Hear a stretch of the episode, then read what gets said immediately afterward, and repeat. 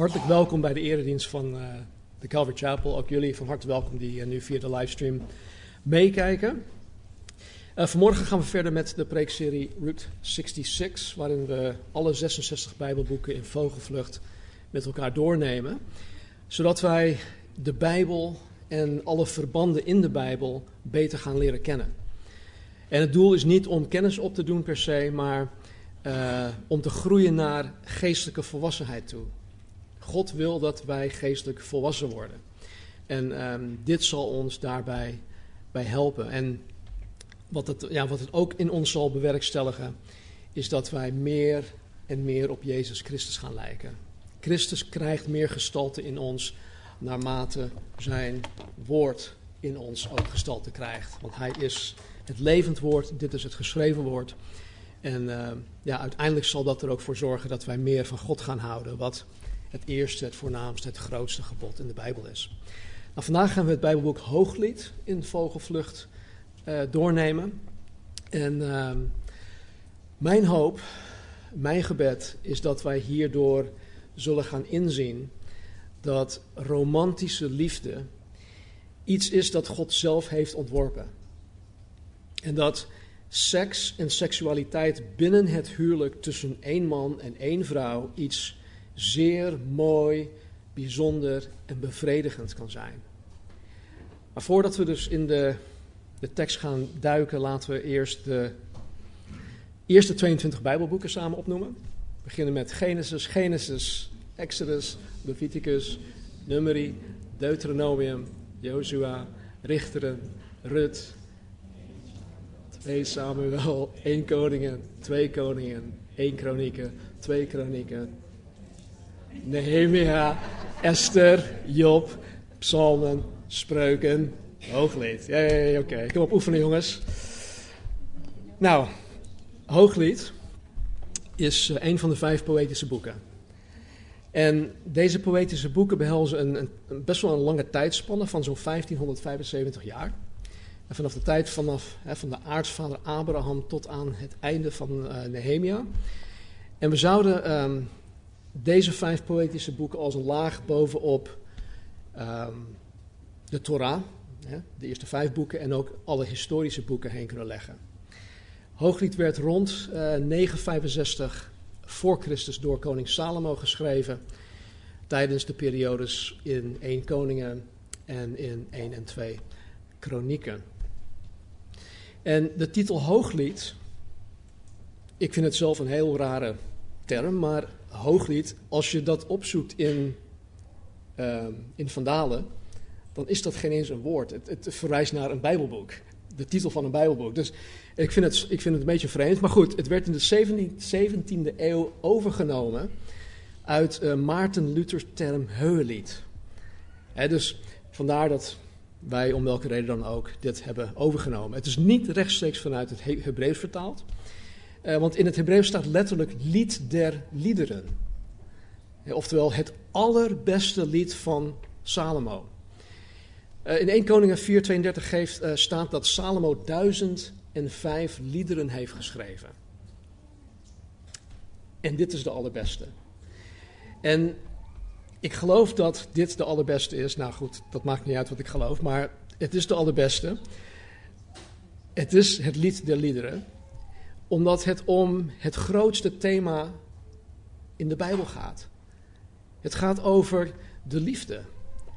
Het gaat over um, de, de diepe, intieme Bijbelse liefde. En ja, in de Engelse uh, Bijbel staat er of Song of Songs of Song of Solomon. Dus het is, het is echt het allerbeste lied dat Salomo ooit heeft geschreven. En de liefde die hier in dit boek aan de orde komt, is vergelijkbaar aan de liefde die wij in 1 Korinthe hoofdstuk 13 zien. We weten dat 1 Korinthe 13, hoofdstuk, hoofdstuk 13, vers 4 tot en met uh, eh, 8a, dat, dat is de hoofdstuk van de liefde. En laten we het samen ook, ook lezen. 1 Korinthe 13, vers 4. De liefde is geduldig. Zij is vriendelijk. De liefde is niet jaloers. De liefde pronkt niet. Zij doet niet gewichtig. Zij handelt niet ongepast. Zij zoekt niet haar eigen belang. Zij wordt niet verbitterd. Ze denkt geen kwaad. Zij verblijdt zich niet over de ongerechtigheid, maar verheugt zich over de waarheid. Zij bedekt alle dingen, zij gelooft alle dingen, zij hoopt alle dingen, zij verdraagt alle dingen. De liefde vergaat, oftewel de liefde faalt nooit. Tot zover. Dit is de liefde dat de Bijbel ons geeft. Dat, je kan eigenlijk zeggen dat dit God is. Dit is Gods liefde voor ons. En koning Salomo, die is um, buiten twijfel de schrijver van het boek. Het eerste vers, hoofdstuk 1, vers 1, geeft dat er al aan. Er staat het hooglied dat van Salomo is. En zijn naam komt in totaal zeven keer in dit boek voor. En um, zowel de Joodse, of de Joden, sorry, als ook christenen beamen dat dit gewoon door Salomo geschreven is. Ondanks dat er sommige mensen zijn die daar hele andere ideeën over hebben.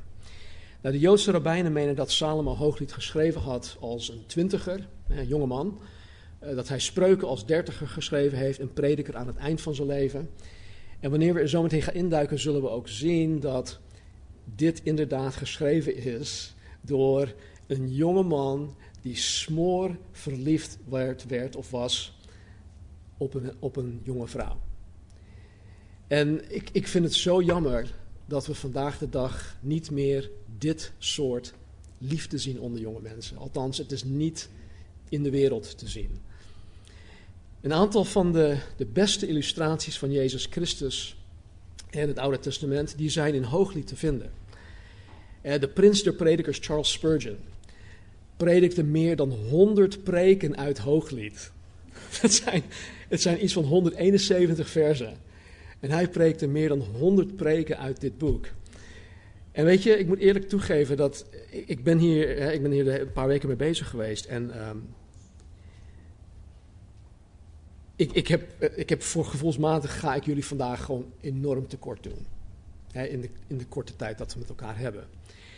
En het, het, enige wat ik nu zo graag wil doen, is dit gewoon vers voor vers met jullie doornemen. Maar goed, dat, dat komt na Route 66, ergens in 2025. Nee hoor. Um, maar ja, het heeft me zo aangesproken, het heeft me zo geraakt, dat het, um, het heeft me echt veranderd in de afgelopen paar weken. Um, maar weet je, ondanks al dat alles, hè, dat, dat Charles Spurgeon 100 preken heeft gegeven en dat er zoveel over Jezus Christus, zoveel illustraties over Jezus Christus in het boek staan, vinden wij geen enkele verwijzing in het Nieuw Testament naar Hooglied. Geen enkel persoon in het Nieuw Testament citeert iets uit Hooglied. Wat ik, uh, ja, it is what it is. het, is een, het is een lied het is een lied, het is echt een lied dat geschreven is in de genre van Oosterse poë poëzie. Er wordt heel veel beeldspraak gebruikt. Wat in, in die tijd, hè, 3000 jaar geleden, goed te begrijpen was. Maar voor ons in het Westen, anno 2021, gaat de beeldspraak aan ons volledig voorbij. Dat zeg ik even voorop. En dit maakt Hooglied een zeer moeilijk te begrijpen boek. Het is gewoon heel lastig. Vooral als je het in, alleen in de herziene statenvertaling leest, dan is het nog moeilijker. Dus mijn, mijn advies aan jullie is, wanneer je Hooglied gaat lezen, pak vier, vijf, zes verschillende bijbelvertalingen erbij. Als je Engels kan, kan lezen, pak wat Engelse taal, Engels, Engelstalige bijbel, bijbelboeken er ook bij. Um, dus het is moeilijk te begrijpen, maar niet alleen is het voor ons moeilijk te begrijpen. Door de eeuwen heen hebben alle theologen geworsteld met de juiste manier van het interpreteren van het, het Bijbelboek Hooglied.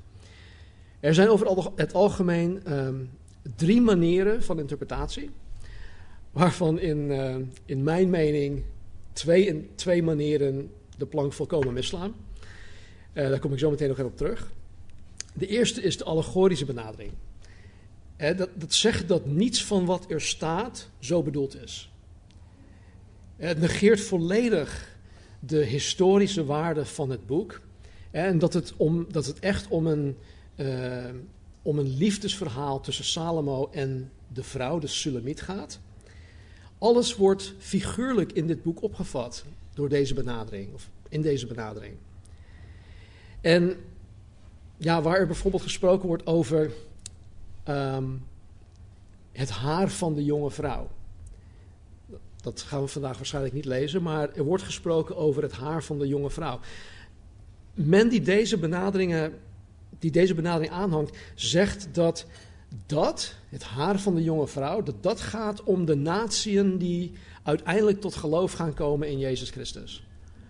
Weet je, dus er zijn hele rare gedachten over, uh, hierover. En ja, je, je gaat echt,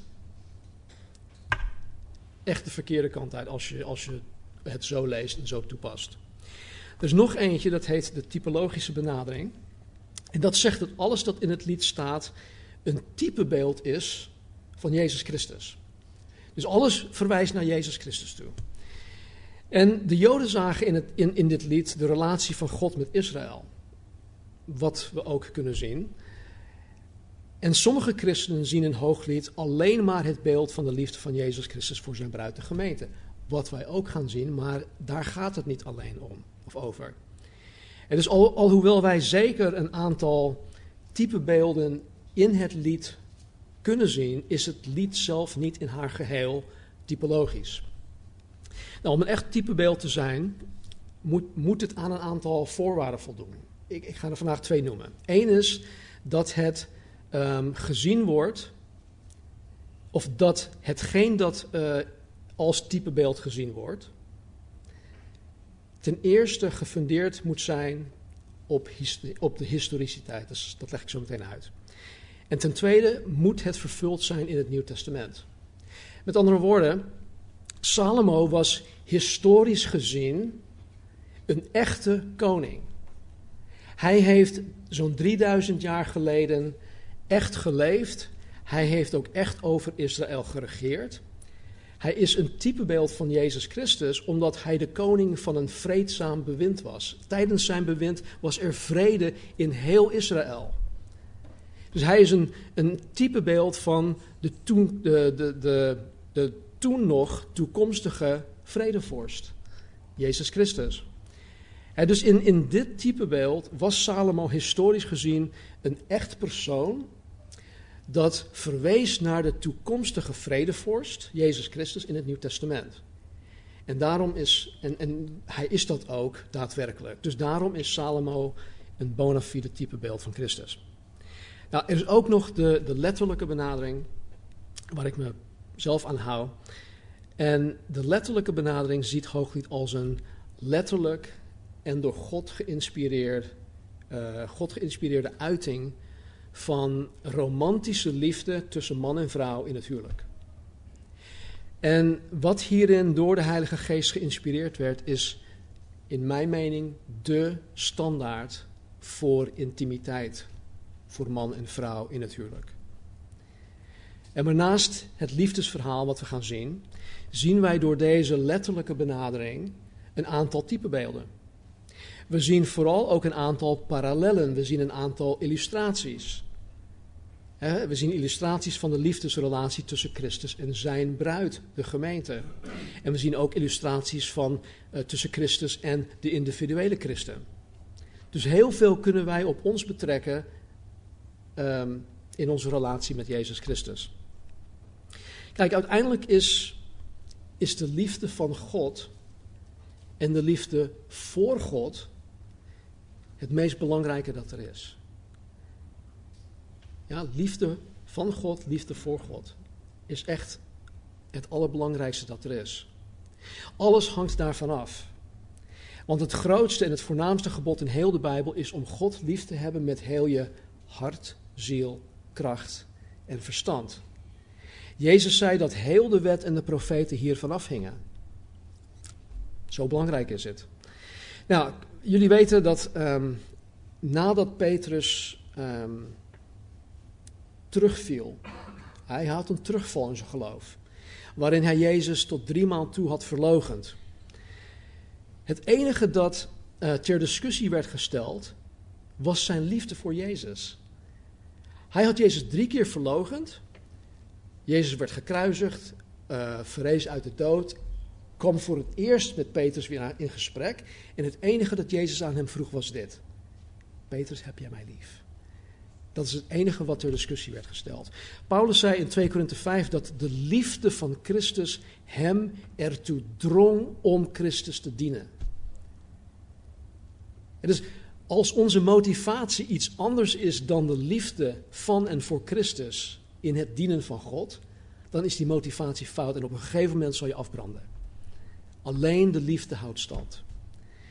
Ook de kerk in Efeze werd in Openbaring 2 sterk door Jezus vermaand voor het nalaten van de liefde. ondanks dat zij alles, alles organisatorisch op een rijtje hadden en heel druk bezig waren met allerlei christelijke activiteiten. Ondanks dat had Jezus hun vermaand. Dus in Hooglied zullen we een, een, een, een waar historisch liefdesverhaal zien. En tegelijk vermengd in het geheel een aantal illustraties en parallellen van, van de uh, liefdesrelatie tussen Christus en zijn gemeente. Nou, de indeling van, uh, van het boek is, is een beetje lastig. Uh, in het lied zijn meerdere mensen aan het woord. De hoofdrolspelers zijn een jonge vrouw, de Sulamit, en koning Salomo. Daarnaast zien we hier en daar ook haar broers aan het woord komen. De dochters van Jeruzalem, wat waarschijnlijk, hoogstwaarschijnlijk de single ladies in Jeruzalem waren. We zien ook um, um, het koninklijk gezelschap op een gegeven moment, dat komt één keer voor. En dat staat in de HSV, de herziene statenvertaling, omschreven als de meisjes, de koninginnen en de bijvrouwen. En het is helaas niet mogelijk, of niet in alle gevallen mogelijk, om exact te weten wie er op welk moment aan het woord is. En dat maakt het nogal lastig om het te volgen. In de herziene statenvertaling staat in de marge wie er wanneer spreekt. Hè, wat, wat echt superhandig is. Maar na wekenlange, urenlange zoeken en studie en onderzoek heb ik zelf het idee gekregen dat, um, dat het op zes plekken in de herziene statenvertaling, in de marge, het niet helemaal klopt. En als je wil weten waar dat is en waarom dat is, dan kan je me na de dienst um, daarover aanspreken. Ik wil het met alle liefde met jullie delen. Nou, het boek is, is te verdelen in drieën. Het eerste deel gaat, om, uh, gaat over de verkeringstijd hè, van de Sulamiet en koning Salomo. Dat is dan hun verkeringstijd, hun verlovingstijd. Het tweede deel is um, uh, de bruiloft en de voltrekking van het huwelijk, hè, dus de, de huwelijksnacht. En tot slot uh, het huwelijksleven. En in hoofdstuk 1, in de eerste zeven versen, spreekt zij, dus de vrouw. Uh, maar hier en daar spreken ook de dochters van Jeruzalem. Maar nogmaals, wat ik net zei, helaas wordt dat in de marge niet aangegeven. En wat ik ook erg jammer vind, is dat de herziene statenvertaling onder andere de voornaamwoorden een hoofdletter geven. En bijvoorbeeld, er staat H, of er staat hij met een hoofdletter. Er staat zijn met een hoofdletter Z, uh, u met een hoofdletter U, alsof het over God gaat. En ik geloof uh, dat dit te maken heeft met hoe de vertalers uh, van de herziene statenvertaling Hooglied hebben benaderd. een van die drie benaderingen. letterlijk, dat was ook weer um, typologisch en um, allegorisch, figuurlijk. Oké, dankjewel Casper. Daar, daarom is hij assistent voorganger. nee. Um, Oké, hoofdstuk 1. hoofdstuk 1, vers 1 tot en met 7. Het hooglied dat van Salomo is. Laat hij mij kussen met de kussen van zijn mond. Want uw uitnemende liefde is beter dan wijn. Uw zalfolieën zijn heerlijk van geur. Uw naam is een uitgegoten zalfolie. Daarom hebben de meisjes u lief. Trek mij mee. Wij zullen achter u aansnellen. De koning heeft mij gebracht in zijn binnenkamers. Laten wij ons verheugen en ons in u verblijden. Laten wij uw uitnemende liefde in herinneringen, in herinnering roepen, meer dan de wijn. Met recht hebben zij u lief. Donker van huid ben ik, maar bekoorlijk, dochters van Jeruzalem. Als de tenten van Kedar, als de tentkleden van Salomo. Zie niet, mij, zie niet op mij neer, omdat ik donker ben, want de zon heeft mij beschenen. De zonen van mijn moeder ontstaken tegen mij in woede. Zij maakten mij tot bewaakster van de wijngaarden. Mijn eigen wijngaard heb ik niet bewaakt.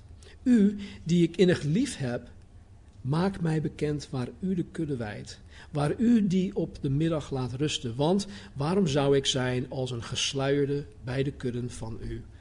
Metgezellen tot zover. Deze jonge dame, de Sulemiet genoemd, kwam hoogstwaarschijnlijk uit een dorp dat Sunem heette, uh, dat in het zuidelijk gedeelte van Galilea ligt, de provincie Galilea. En als we dit gewoon doorlezen, dan gaan we heel gauw merken dat deze jonge vrouw ook smoor verliefd was op Salomo. En zoals veel jonge dames van vroeger, um, droomde zij van haar geliefde. Niet slapend en dromen, misschien dat ook wel, maar dagdromen. Weet je, ze, ze droomde gewoon van haar geliefde. En wilde uh, ja, dat hij haar zou zoenen, want zijn uitnemende liefde is beter dan, dan wat dan ook. En zij is een, je moet haar zien als een onschuldige, pure jonge dame. En zij spreekt hier als het ware tot zichzelf. Ik ben opgegroeid met vier zussen. En ik heb zelf vier dochters. Dus ik, ik heb daar een beetje ervaring mee met hoe, hoe meisjes zijn. Weet je, en, en je, ja, je, je moet dat beeld gewoon voor ogen houden. Een, een puur en, en onschuldig en zuiver meisje. Ze spreekt van zijn geur. Dat zijn aftershave, wat toen nog niet bestond, heerlijk op hem ruikt. Vooral gemengd met zijn, zijn lichaamsgeur en zijn pheromonen uh, is het voor haar gewoon onweerstaanbaar. Als je daar iets meer over wil weten, moet je Marnie straks vragen over, over hoe zij daarover denkt. Niet blozen, schat.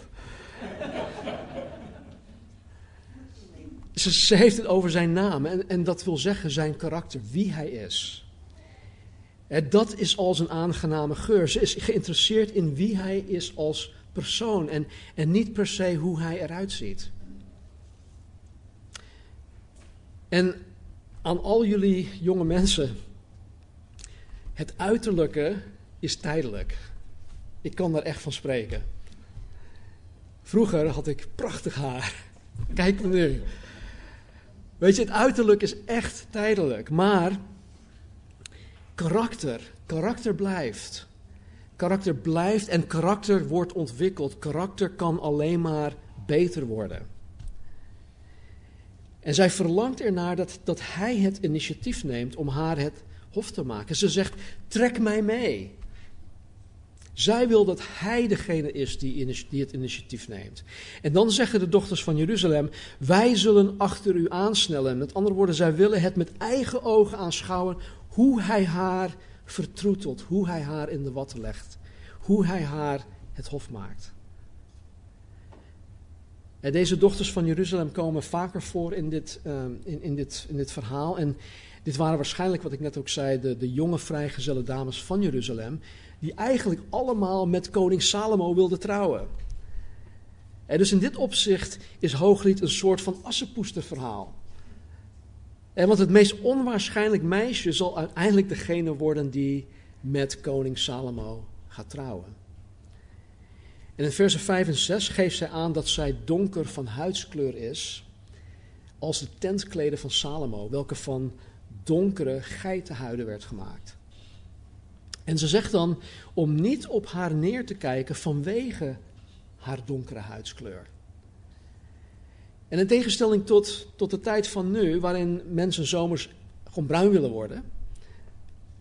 Ik, ik heb achter ons um, buren en op het moment dat de zon maar een beetje schijnt, zitten ze in de achtertuin. Weet je, en dan stropen ze mouwen op en uh, trekken ze broekpijp omhoog en, en de zon aanbidden. Ze willen gewoon bruin worden. Ze willen vitamine D waarschijnlijk ook opbouwen. Maar goed, mensen tegenwoordig ja, aanbidden een soort van de zon. Maar in die tijd was het juist een soort van taboe om door de zon bruin te, zijn. Want het, het, het betekende dat zij buiten in de zon werkten. In plaats van binnen in de paleizen of de andere plekken. En zij hoorden bij de arbeidersklasse. Er werd dus op zongebruinde mensen neergekeken. En de reden dat zij buiten in de zon werkte was omdat haar broers haar hadden gedwongen om bewaakster van de wijngaarden te zijn. En dat zegt dat zij, en dan zegt zij um, dat zij haar eigen wijngaard, en dat wil zeggen haar eigen persoon, uh, vooral haar uiterlijk niet goed heeft kunnen verzorgen. Dus ze werd gedwongen om de wijngaarden te bewaken, waardoor zij niet goed voor zichzelf kon zorgen. Dus ze zag er waarschijnlijk niet echt um, verfijnd uit. Sociaal gezien, uh, volgens de normen van die tijd, in die cultuur, was zij dus niet een, een opvallend mooie jonge dame. als Instagram destijds uh, bestond, zou ze waarschijnlijk heel weinig volgers hebben gekregen. En in vers 7 vraagt zij hem waar hij zijn kudde wijdt. En als we verderop gaan naar hoofdstuk 8, kunnen wij concluderen dat koning Salomo waarschijnlijk de grond van haar familie, dat hij dat aan haar gezin heeft verhuurd. En het is mogelijk hè, dat Salomo haar leuk vond, waardoor hij incognito, vermomd als een herder, haar van tijd tot tijd bezocht. want anders zou zij hem niet gevraagd hebben waar hij zijn kudde wijdt. En dan vraagt ze hem, en dit is ook heel lastig. Waarom zou zij als een gesluierde, dat wil zeggen een prostituee, naar de kudden van zijn metgezellen toe gaan? Prostituees in die tijd, die, en misschien vandaag de dag nog steeds, die gingen achter mannen aan. En die gingen gesluierd achter, achter mannen aan. En wat zij al in, eerder in vers 4 zei, wil zij niet achter hem aangaan. Ze zei, nee, trek mij mee, jij moet het initiatief nemen, ik ga niet achter jou aan. En dus hiermee geeft zij duidelijk aan dat zij haar eigen, haar eigen waarde, haar eigen kuisheid, haar, um, dat, dat, dat ze dat echt hoog houdt en dat ze dat ook in stand wil blijven houden. Zij wil geen compromissen sluiten. En ze heeft dus aangegeven hoe zij erin staat. En vanaf dit punt krijgen zij dus die, die verkeringsrelatie. Is dat een baby die ik hoor? Oh, schattig. um, vers 9 en vers 10. Mijn vrienden, of mijn vriendin, sorry. Ik vergelijk u met de paarden voor de wagens van de farao. Lieflijk zijn uw wangen tussen de kettingjes en uw hals met de parelsnoeren. In de herziene statenvertaling noemt Salomo haar mijn vriendin. En ik weet dat dit waarschijnlijk beter past hè, in onze maatschappij, in uh, anno 2021. Maar letterlijk staat er iets in de trant van mijn liefje. En dat, dat, ja, dat, dat, is, dat zeggen mensen tegenwoordig niet zo vaak. Maar ik vind mijn liefje een, een veel meer intiemere benoeming dan vriendin. Weet je, als ik het over Marnie heb, nou formeel zeg je oké, dit is mijn echtgenote of dit is mijn vrouw. Maar als ik met haar praat, dan is het niet, hé hey, vrouw. Weet je, ik heb koosnaampjes voor haar. En, en dit is dan ook, ja, het komt, gewoon niet, het komt er gewoon niet uit. Mijn vriendin. En dan, dan vergelijkt hij haar met een paard. Mannen, dit moet je nooit, nooit, nooit letterlijk toepassen bij je vrouw. Jaren geleden werkte ik uh, bij een van de grote energiebedrijven. En ik werkte samen met een aantal mensen die nogal uh, grof waren in hun taal. En soms noemden ze bepaalde klanten, vrouwelijke klanten, paardenkop of paardenbek. Niet doen. Het is dat absoluut niet. Niet letterlijk toepassen. Want dit is absoluut ook niet wat Salomo hiermee bedoelt. Vergeet niet, uit eerdere studies uit 1 Koningen, Kronieken, zien wij of zagen wij dat Salomo een gigantische liefhebber was van 's werelds beste paarden. Thoroughbreds. Hè? Hij verzamelde de beste van de beste paarden en hij had door heel het land verschillende uh, maneges. Dus waar hij ook was, kon hij zijn beste paarden zien en daarmee doen wat hij wilde. Dus hiermee zegt Salomo over haar dat zij uit alle vrouwen in de wereld de allerbeste is. Zij is de allerbeste. Zij is de crème de la crème. En nu komt zij aan het woord, vers 12 tot met 14. Zolang de koning aan zijn ronde tafel zit, verspreidt mijn nardus zijn geur. Mijn liefste is mij een bundeltje mirre dat tussen mijn borsten overnacht. Mijn liefste is mij een tros hennabloemen uit de wijngaarden van Engedi. Nou, in die tijd bestonden geen kant-en-klare geurtjes zoals wij die nu kennen. Er was niet op de hoek een ICI Paris of zoiets, een Douglas of andere zaken zoals dat. Nee, dus om na een lange werkdag in de wijngaard, je zweetgeur, de geur van de stof en van de mest en dat soort dingen, om die geuren te bedekken, droeg men een zakje gevuld met, met, met bloesems of met bloemen of in dit geval met, met. En wat zij hier eigenlijk zegt is, ik ruik zelf lekker en jouw geurtje, dat maakt mij helemaal gek. Eh, dat is de beeldspraak die ze hier ook, eh, die ze hier ook geeft. En ze noemt hem een hennabloem in Engedi. Engedi is voornamelijk woestijn, maar daar groeien op sommige plekken ook hele prachtige bloemen. En dus wat zij zegt is dat alle andere mannen die zij ooit heeft gezien te vergelijken zijn met de dorre woestijn, maar dat Salomo is als zo'n prachtige bloem te midden van die woestijn. Hij valt op. Hij staat boven de rest.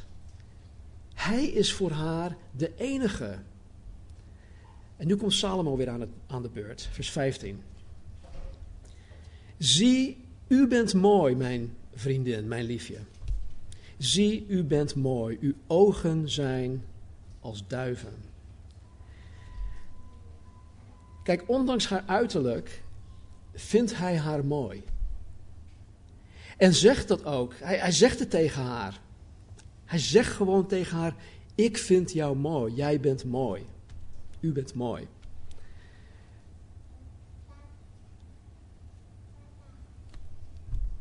Ik vraag me af, ik vraag me oprecht af, hè, hoe vaak wij mannen dat tegen onze vrouwen zeggen.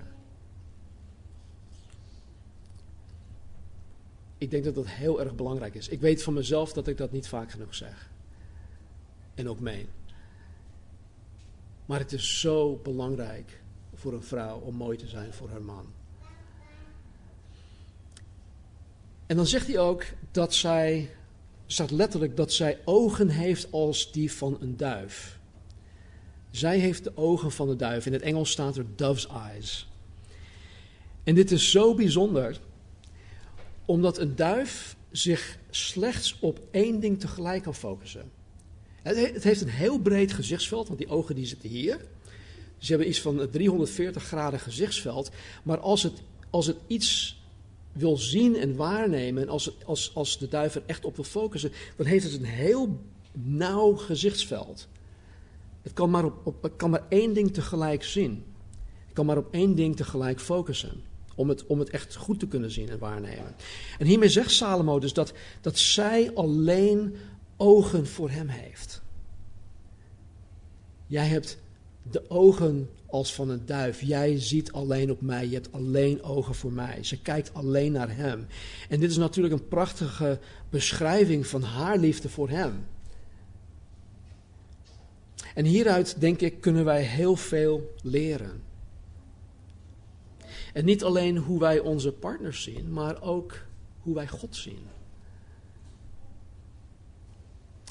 Hebben wij die, die laserfocus op God? Hebben wij alleen ogen voor God of, of blijven wij in ons gezichtsveld rondkijken naar andere dingen die de wereld te bieden heeft, die voor ons vlees, hè, voor ons vleeselijk, vleeselijke begeerten zo aantrekkelijk zijn? Ook wij horen dove's eyes te hebben wat God betreft, niet alleen richting onze partners. Nou goed, het gaat um, zo door. Uh, beiden spreken alleen maar lof over elkaar uit. En ja, ik, ik vind het prachtig om te lezen dat zowel de man als de vrouw romantische uitingen aan elkaar uitspreken. Uitingen die uit het diepst van hun hart komen en die dat dan zo mooi kunnen verwoorden. Wij, wij kunnen dat niet allemaal. Maar ik denk dat wij, als wij ons daar, daartoe aanzetten, dat wij, dat wij dat leren, dat we daar heel veel baat bij kunnen hebben. Zowel mannen als vrouwen. Nou, de verkeringstijd, hooglied hoofdstuk 2, uh, vers 7, laten we daar naartoe gaan. Ik bezweer u, dochters van Jeruzalem, als bij de gazellen of bij de hinden op het veld. Zij spreekt hier nog steeds. dat u de liefde niet opwekt of aanwakkert voordat het behaagt of voordat het haar behaagt. Tot drie keer toe spreekt de Sulamiet de dochters van Jeruzalem met deze woorden aan. Uh, ze doet dat hier en ze doet het ook in hoofdstuk 3 en ook in hoofdstuk 8. En wat zij hiermee wil zeggen, is dat de liefde een, een plaats en een tijd heeft. En dat je die liefde niet vroegtijdig moet gaan opwekken. Je moet die liefde niet vroegtijdig gaan aanwakkeren. En dit is voor singles, vooral voor jullie jonge singles, is dit zeer goed en wijs advies. En want echte liefde heeft tijd nodig om zich te wortelen en zich te ontwikkelen. Toen Marnie en ik jaren geleden een, uh, een jongerenkring leidden in de vorige gemeente, waar wij mochten dienen, uh, hadden wij dertien bruggers. Dat waren 12 en 13-jarige jongens en meisjes. Dat was een gemengde groep. En een van de vragen die ik hun stelde, want ja, ze, zijn aan het puberen en ze zijn volop met jongens en meisjes bezig. Ze zaten zelfs de eerste avond zaten ze bij elkaar op schoot, wat de tweede avond gewoon nou, dan meer was. Maar een van de vragen die ik hun stelde was: hoe wordt een meisje zwanger? Ja, toen begon ze te giechelen, ze blozen en uh, een hoop gepraat. Maar ik zei tegen nee, dit is heel simpel. Door elkaar te zoenen. Nee, nee, nee, dat kan echt niet, dat kan echt niet. Dat kan echt wel. Want door intiem met een jongen of een meisje, jongen en meisje, te zoenen, wek je iets op.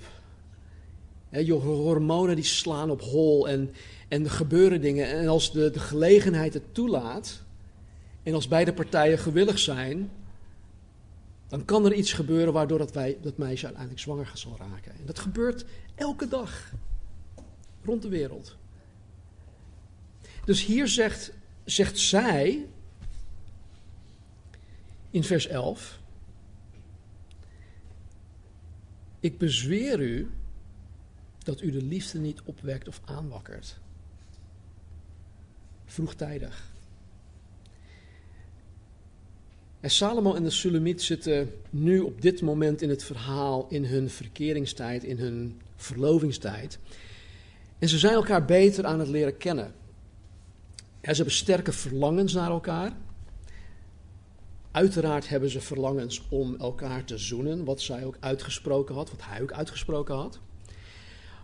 ze, ze hebben het verlangen om intiem te zijn, maar zij beseffen dat als hun liefde echt is, dat zij hun liefde de tijd moeten gunnen om het op te laten bloeien voor het juiste moment.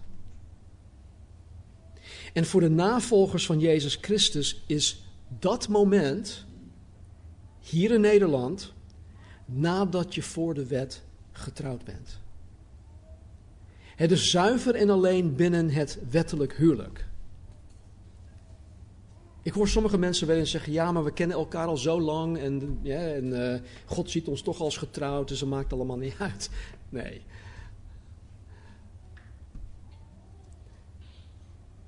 Kijk, God heeft ons hormonen en pheromonen gegeven die ons aantrekkelijk maken voor een ander en, ons die, en die ons ook aantrekken tot een ander. En de impuls voor seks is ons door God gegeven. En omdat het door God gegeven is, moet het, koste wat kost, door God gestuurd en begeleid zijn. En binnen de kaders die God voor ons gegeven heeft. Als de door God gegeven impuls voor seks niet door God gestuurd wordt, dan word je op het gebied van seks een ongeleid projectiel. En dan volg je alleen maar je fysieke drang na. Dat is, in het Engels heet dat animalistic. Dan ben je gewoon op het niveau van een dier. Onze puppy, die is uh, morgen zes maanden oud. Vanaf dit moment kan zij, um, hoe heet dat in het Nederlands? Kan zij gedekt worden. Dus ze krijgt haar cyclus, uh, haar menstruatie. Dan wordt ze vruchtbaar. Loops, dat heet loops, ja, loops, sorry. Nou, als zij, op het moment dat zij loops is, en als andere honden haar ruiken of zien, nou, het enige wat ze willen doen is haar bespringen. Maakt niet uit wat voor hond, hoe klein of hoe groot. Ze, ze, animalistic. Weet je? Maar als wij buiten de kaders die God ons gegeven heeft, dat doen, dan zijn wij ook gewoon op dat niveau bezig. En alles in de wereld moedigt dat aan.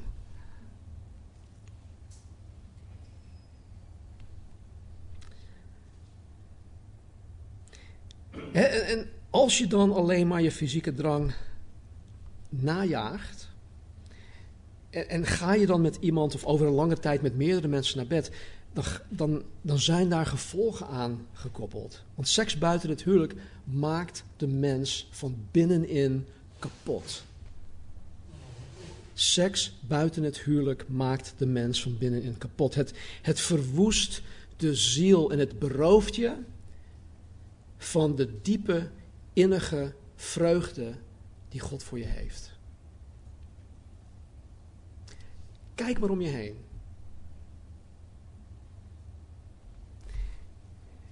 Vers 16a. Mijn liefste is van mij en ik ben van hem.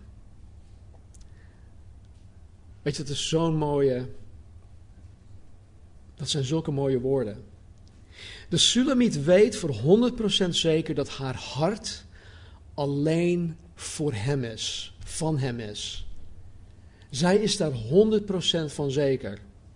En dat zijn hart alleen voor haar is.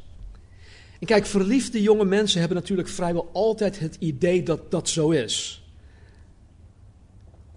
Ik heb in mijn verleden, voordat ik met Marnie trouwde, heb ik, ben ik ook wel eens op 12-jarige leeftijd verliefd geweest op iemand. Ik dacht, oh, ik, ik wil met die en die trouwen. Ik was toen 12. zij, is de, zij is de echte, de ware. Maar dat is gewoon, dat is het niet.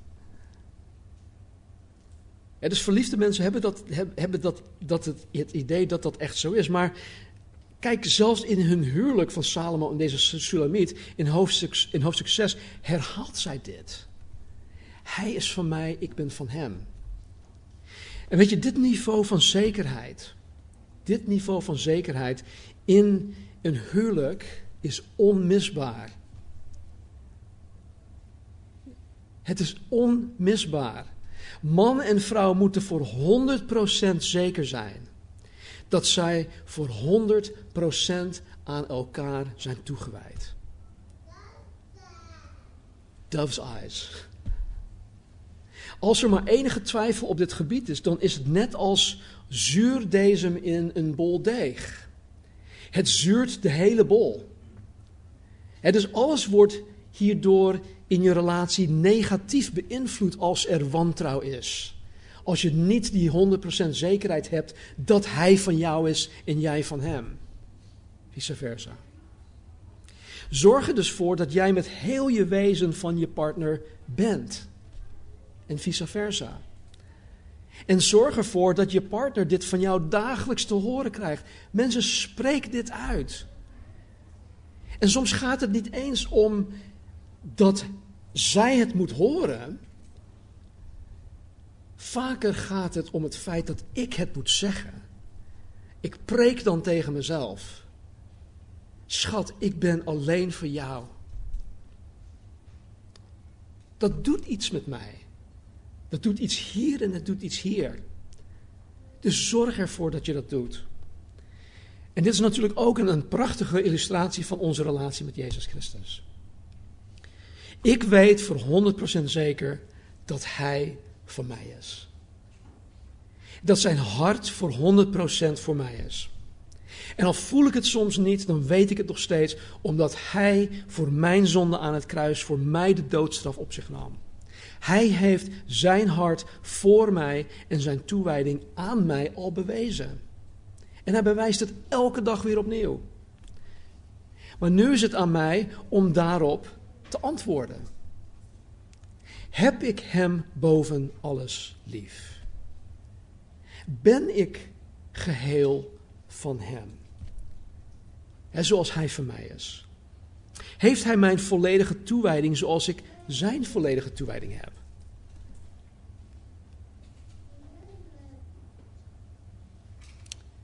Vers, uh, hoofdstuk 4. Het, schiet op hoor, uh, we gaan niet door alle hoofdstukken heen. Even kijken, hoofdstuk 4, uh, vers 1 tot en met 7.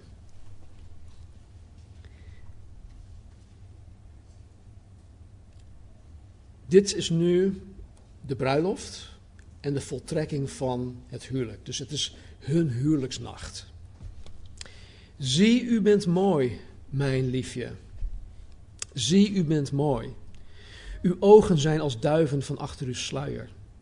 Uw haar is als een kudde geiten die neergolft van het gebergte van Gilead. Dus zij heeft gewoon donker, vloeiend, glanzend haar. Lang haar. Uw tanden zijn als een kudde pasgeschoren schapen die zijn opgekomen uit de wasplaats. Alle werpen zij tweelingen. Geen van hen is zonder jongen. Dus met andere woorden, als jullie ooit een schaap hebben gezien die, die nog niet geschoren is, die is gewoon vies van buiten. Die, een witte schaap die is bruin, die is vies, die ziet er goor uit. Op het moment dat je hem gaat scheren, aan de binnenkant is die gewoon super, super wit. Dus wat hij hiermee zegt is, uw tanden zijn als pas geschoren schapen. Je hebt hele mooie witte tanden. En, en um, er staat ook, uh, alle werpen zij tweelingen. Met andere woorden, ze zijn ook recht. En geen van hen is zonder jongen, dus je hebt geen fietsrek. Eh, je hebt gewoon je heel gebit, je ziet er mooi uit. Vers 3, als een scharlakenrode draad zijn uw lippen en uw spreken is behoorlijk. Als een opengesprongen granaatappel zijn uw slapen door uw sluier heen. Uw hals is als de toren van David in lagen gebouwd. Er hangen duizend schilden aan, allemaal schilden van helden. Uw beide borsten zijn als twee kalfjes, de tweeling van een gazelle die tussen de lelies weiden. Wat een beeldspraak. Tot de, wind van de dag op, tot de wind van de dag opsteekt en de schaduwen vluchten, zal ik naar de middenberg gaan naar de wierookheuvel. Alles aan u is mooi, mijn liefje, mijn vriendin. Er is geen enkel gebrek aan u. Dit is hun huwelijksnacht. En kijk naar hoe hij haar ziet. Dit is Salomo's eerste vrouw. En we weten dat hij na haar nog 699 andere vrouwen nam. En daarnaast ook nog geen 300 bijvrouwen. Maar goed, dat is een heel ander verhaal. En, en ondanks dat zij er wellicht niet perfect uitzag. Hè, zij had geen 10.000 volgelingen op Instagram. Hè, zoals wij, ze zag er niet perfect uit zoals wij vandaag de dag een perfect beeld van de vrouw door de media voorgehouden worden. Dit is hoe een vrouw uit hoort te zien. Ziet hij haar gewoon als perfect. Niets aan haar ontbreekt. Zij is volmaakt in zijn ogen. En hij zegt dat er gewoon lichamelijk gezien geen enkel gebrek aan haar is. En weet je, ik geloof dat, dat hij haar zo ziet, omdat hij nog nooit eerder in zijn leven een naakte vrouw heeft gezien. Dat is zo belangrijk, hè, wat ik nu zeg. Ik geloof dat hij nooit eerder in zijn leven een naakte vrouw heeft gezien. Want er is geen vergelijkingsmateriaal. En waardoor hij alleen ogen voor haar heeft. En hierdoor is hij volledig, volledig tevreden met haar uiterlijk. En dit is dan ook de reden waarom wij als mens en ook als maatschappij anno 2021 zo gebroken en zo kapot zijn op dit gebied. Wij zijn beroofd van dit goede wat God voor ons heeft. Wij worden van kleins af aan al blootgesteld aan blote mannen en vrouwen. De media houden ons een, een, een ideaalbeeld voor hoe mannen en vrouwen eruit horen te zien. En dan heb ik het nog niet eens over pornografie. Wat ons voorhoudt hoe seks hoort te zijn. En hierdoor is ons beeld van schoonheid en van de romantiek en van seks geheel verstoord en geheel ontwricht. En dat kan je heel duidelijk zien aan onze, aan onze maatschappij. En het desastreus gevolg hiervan is dat wij onze partners niet mooi vinden en dat wij ontevreden zijn in ons seksleven. Met alle gevolgen van dien. En weet je, dit maakt zoveel kapot. En niet voor niets heeft God ons zijn kaders gegeven. Maar helaas gaan wij achter onze vleeselijke begeerte aan, in plaats van dat wij achter Hem aangaan en zijn weg bewandelen. Vers 9 tot en met 16. We zijn bijna klaar hoor. U hebt mijn hart veroverd, mijn zuster, mijn bruid. U hebt mijn hart veroverd met één blik van uw ogen, met één schakel van uw halsketting. Hoe mooi is uw liefde, mijn zuster, mijn bruid. Hoeveel beter is uw liefde dan wijn en de geur van uw zalfolie dan allerlei specerijen. Uw lippen druipen van honingzee, mijn bruid.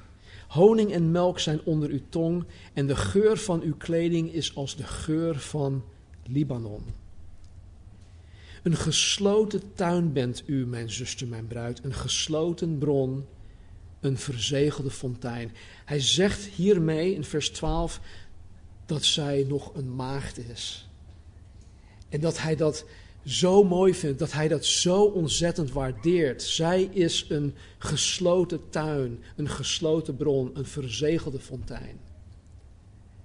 Hoe waardevol de maagdheid is voor zowel man als vrouw, voor zowel jongen als meisje. En de wereld die, die ziet dat heel anders. Die beschimpt een, een brugger als die nog maagd is, of als zij nog maagd is. Verschrikkelijk is dat. Uw scheuten vormen een paradijs van granaatappelbomen met de beste vruchten. Hennastruiken en nardusplanten, nardus en safraan, kalmoes en kaneel, met allerlei wierookbomen, mirre en aloe en met een kleur van allerlei specerijen. En dan komt zij. O bron van de tuinen, put van levend water, dat van de Libanon stroomt. Ontwaak noordenwind. En kom zuidenwind, waai door mijn tuin, zij spreekt hier nu, zodat de geur van zijn specerijen zich verspreidt. Laat mijn liefste in zijn tuin komen en eten van, de, van zijn beste vruchten. Wat een, een prachtige en krachtige en zuivere en goddelijke uiting van het bedrijven van de liefde. Dit is echt. En dit is zeker een erotisch verhaal. Maar niet zoals we het in de wereld zien. En het mooie hiervan is dat het puur en zuiver is zoals God het bedoeld heeft. Dit is geen pornografie. pornografie gaat om intensiteit. Snel en vlug en hard en, whatever. Het gaat om intensiteit. Maar de liefde die God ons gegeven heeft, wat God voor ogen heeft binnen het huwelijk, dat gaat om intimiteit.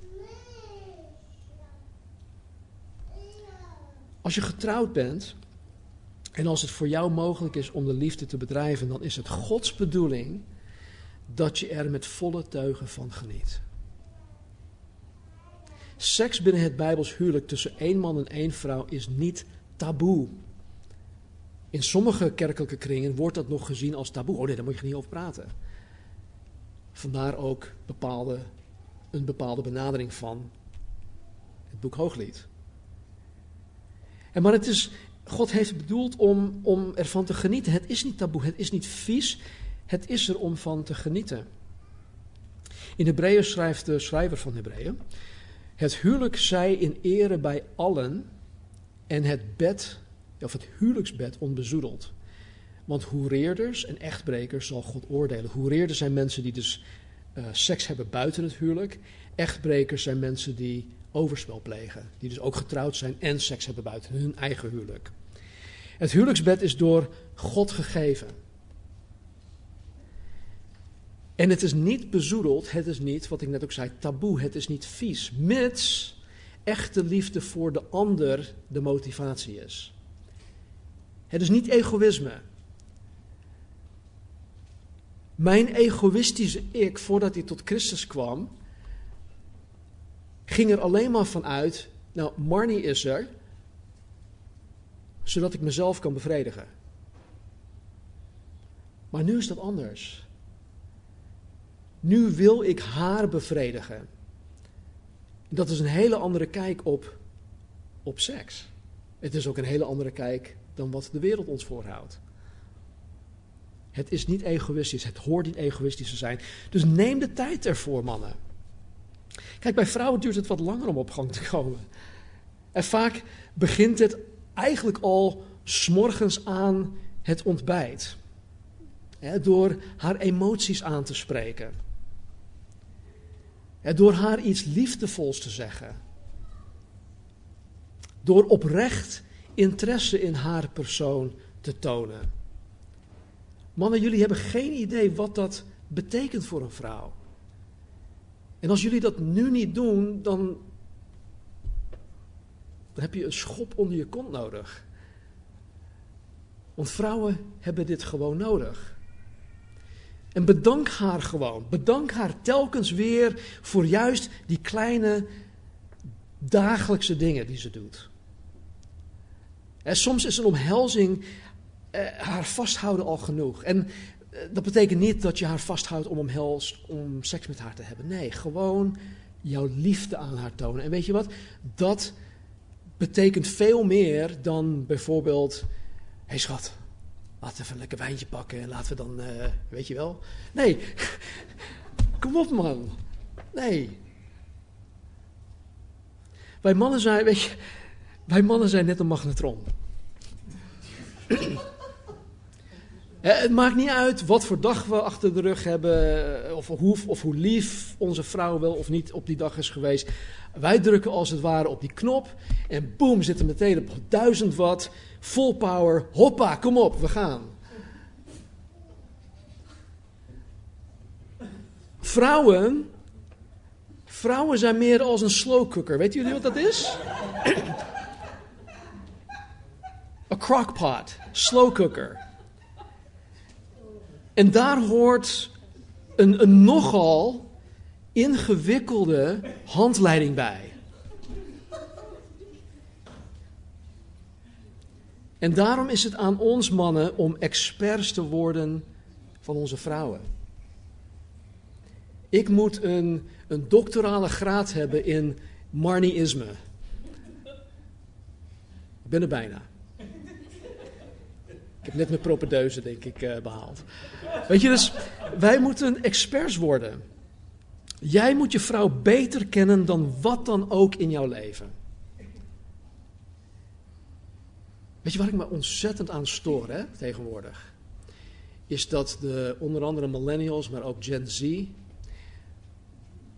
dat zelfs al zijn ze getrouwd, of dat ze een relatie hebben, dat ze samenwonen, kinderen hebben, dat jonge gasten, jonge mannen, dat ze gewoon ontzettend veel tijd verspillen aan gamen.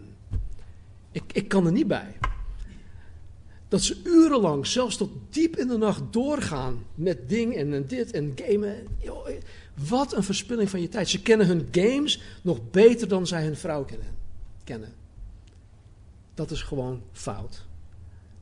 En ik weet niet wie van jullie hier gamet of of dat jullie überhaupt gamen, maar mensen, mensen, mensen, kom op nou. Je moet je vrouw beter kennen dan wat dan ook in jouw leven. En wat ik ook nog wil zeggen is dat hoe meer geestelijk verbonden man en vrouw zijn, hoe meer zij zullen genieten van elkaar op het gebied van de liefde bedrijven. Dat is echt zo. Dus als jullie mannen je, je nu niet houden aan de opdracht van Paulus in Efeze 5, vers 25 tot en met 33, zoek dat straks maar op, dan garandeer ik je dat er veel ruimte is voor verbetering in je seksleven. Onder andere in je seksleven. Nou, de rest van het boek belicht hun huwelijks, huwelijksleven. Vanaf vers, uh, hoofdstuk, 2, uh, sorry, hoofdstuk 5, vers 2 tot aan het eind. Daar hebben we nu geen tijd voor. Lees het meerdere malen door uit verschillende Bijbelvertalingen. En let vooral op hoe zij elkaar ook in het huwelijk, binnen het huwelijk blijven zien. En tot slot dit. Hoe Salomo zijn Sulamiet lief heeft, is een illustratie. Het is geen typebeeld, maar het is een illustratie van hoe Jezus Christus zijn bruid, de gemeente, lief heeft. Jezus heeft alleen oog voor zijn bruid. Jezus heeft geen scharreltjes. Hij heeft geen andere liefdes die hij onderhoudt. Eh, iedereen, zijn bruid mag zijn zijn telefoon oppakken, al zijn berichten lezen. Hij speelt open kaart. Hij heeft geen andere liefjes. Hij houdt onvoorwaardelijk van zijn bruid. Hij is voor 100% toegewijd aan zijn bruid en heeft alles voor haar over. Zijn liefde voor zijn bruid is volmaakt. En de dochters van Jeruzalem vroegen op een gegeven moment aan de Sulamiet dit. Dit is de laatste slide. Wat heeft uw liefste voor boven een ander, o allermooiste onder de vrouwen? Wat heeft uw liefste voor boven een ander dat u ons dit zo bezweert? Nadat zij de Sulamiet waarschijnlijk de hele tijd hoorde opscheppen over haar geliefde, hè, wat, wat hier ook in, in, in het boek staat, vroegen zij zich wellicht af: wat er zo, of vroegen zij zich af wat er zo bijzonder was aan hem. En het kan zijn dat zij gewoon haar zat waren, omdat zij alleen maar over haar geliefde sprak. Jullie kennen dit vast wel. als iemand echt hoot op de botel is over iemand, als iemand smoor verliefd is, het enige wat, waar ze het over hebben is die persoon. Waar niks mis, mis mee is trouwens. En dan in vers 10 tot en met 16 geeft zij haar antwoord op de vraag. Dat kun je ook zelf lezen. En de reden waarom ik dit aanhaal is omdat wij als wedergeboren christenen, althans wij horen dit te doen, wij het alleen maar en altijd maar hebben over onze geliefde, Jezus Christus. Ik word er zo vaak van beschuldigd. Jij en je Jezus, jij in de Bijbel, jij en dit en jij en dat. Weet je, maar als je wedergeboren bent en Jezus is jouw geliefde en Hij is jouw enige, dan kan je niets anders doen dan het alleen maar over Hem hebben. En vaak is de vraag dan ook vanuit een nog niet gelovig iemand aan ons waarom deze Jezus zo bijzonder is. En als wij dus niet dusdanig verliefd zijn op Jezus, dan hebben wij eigenlijk weinig over Jezus te zeggen.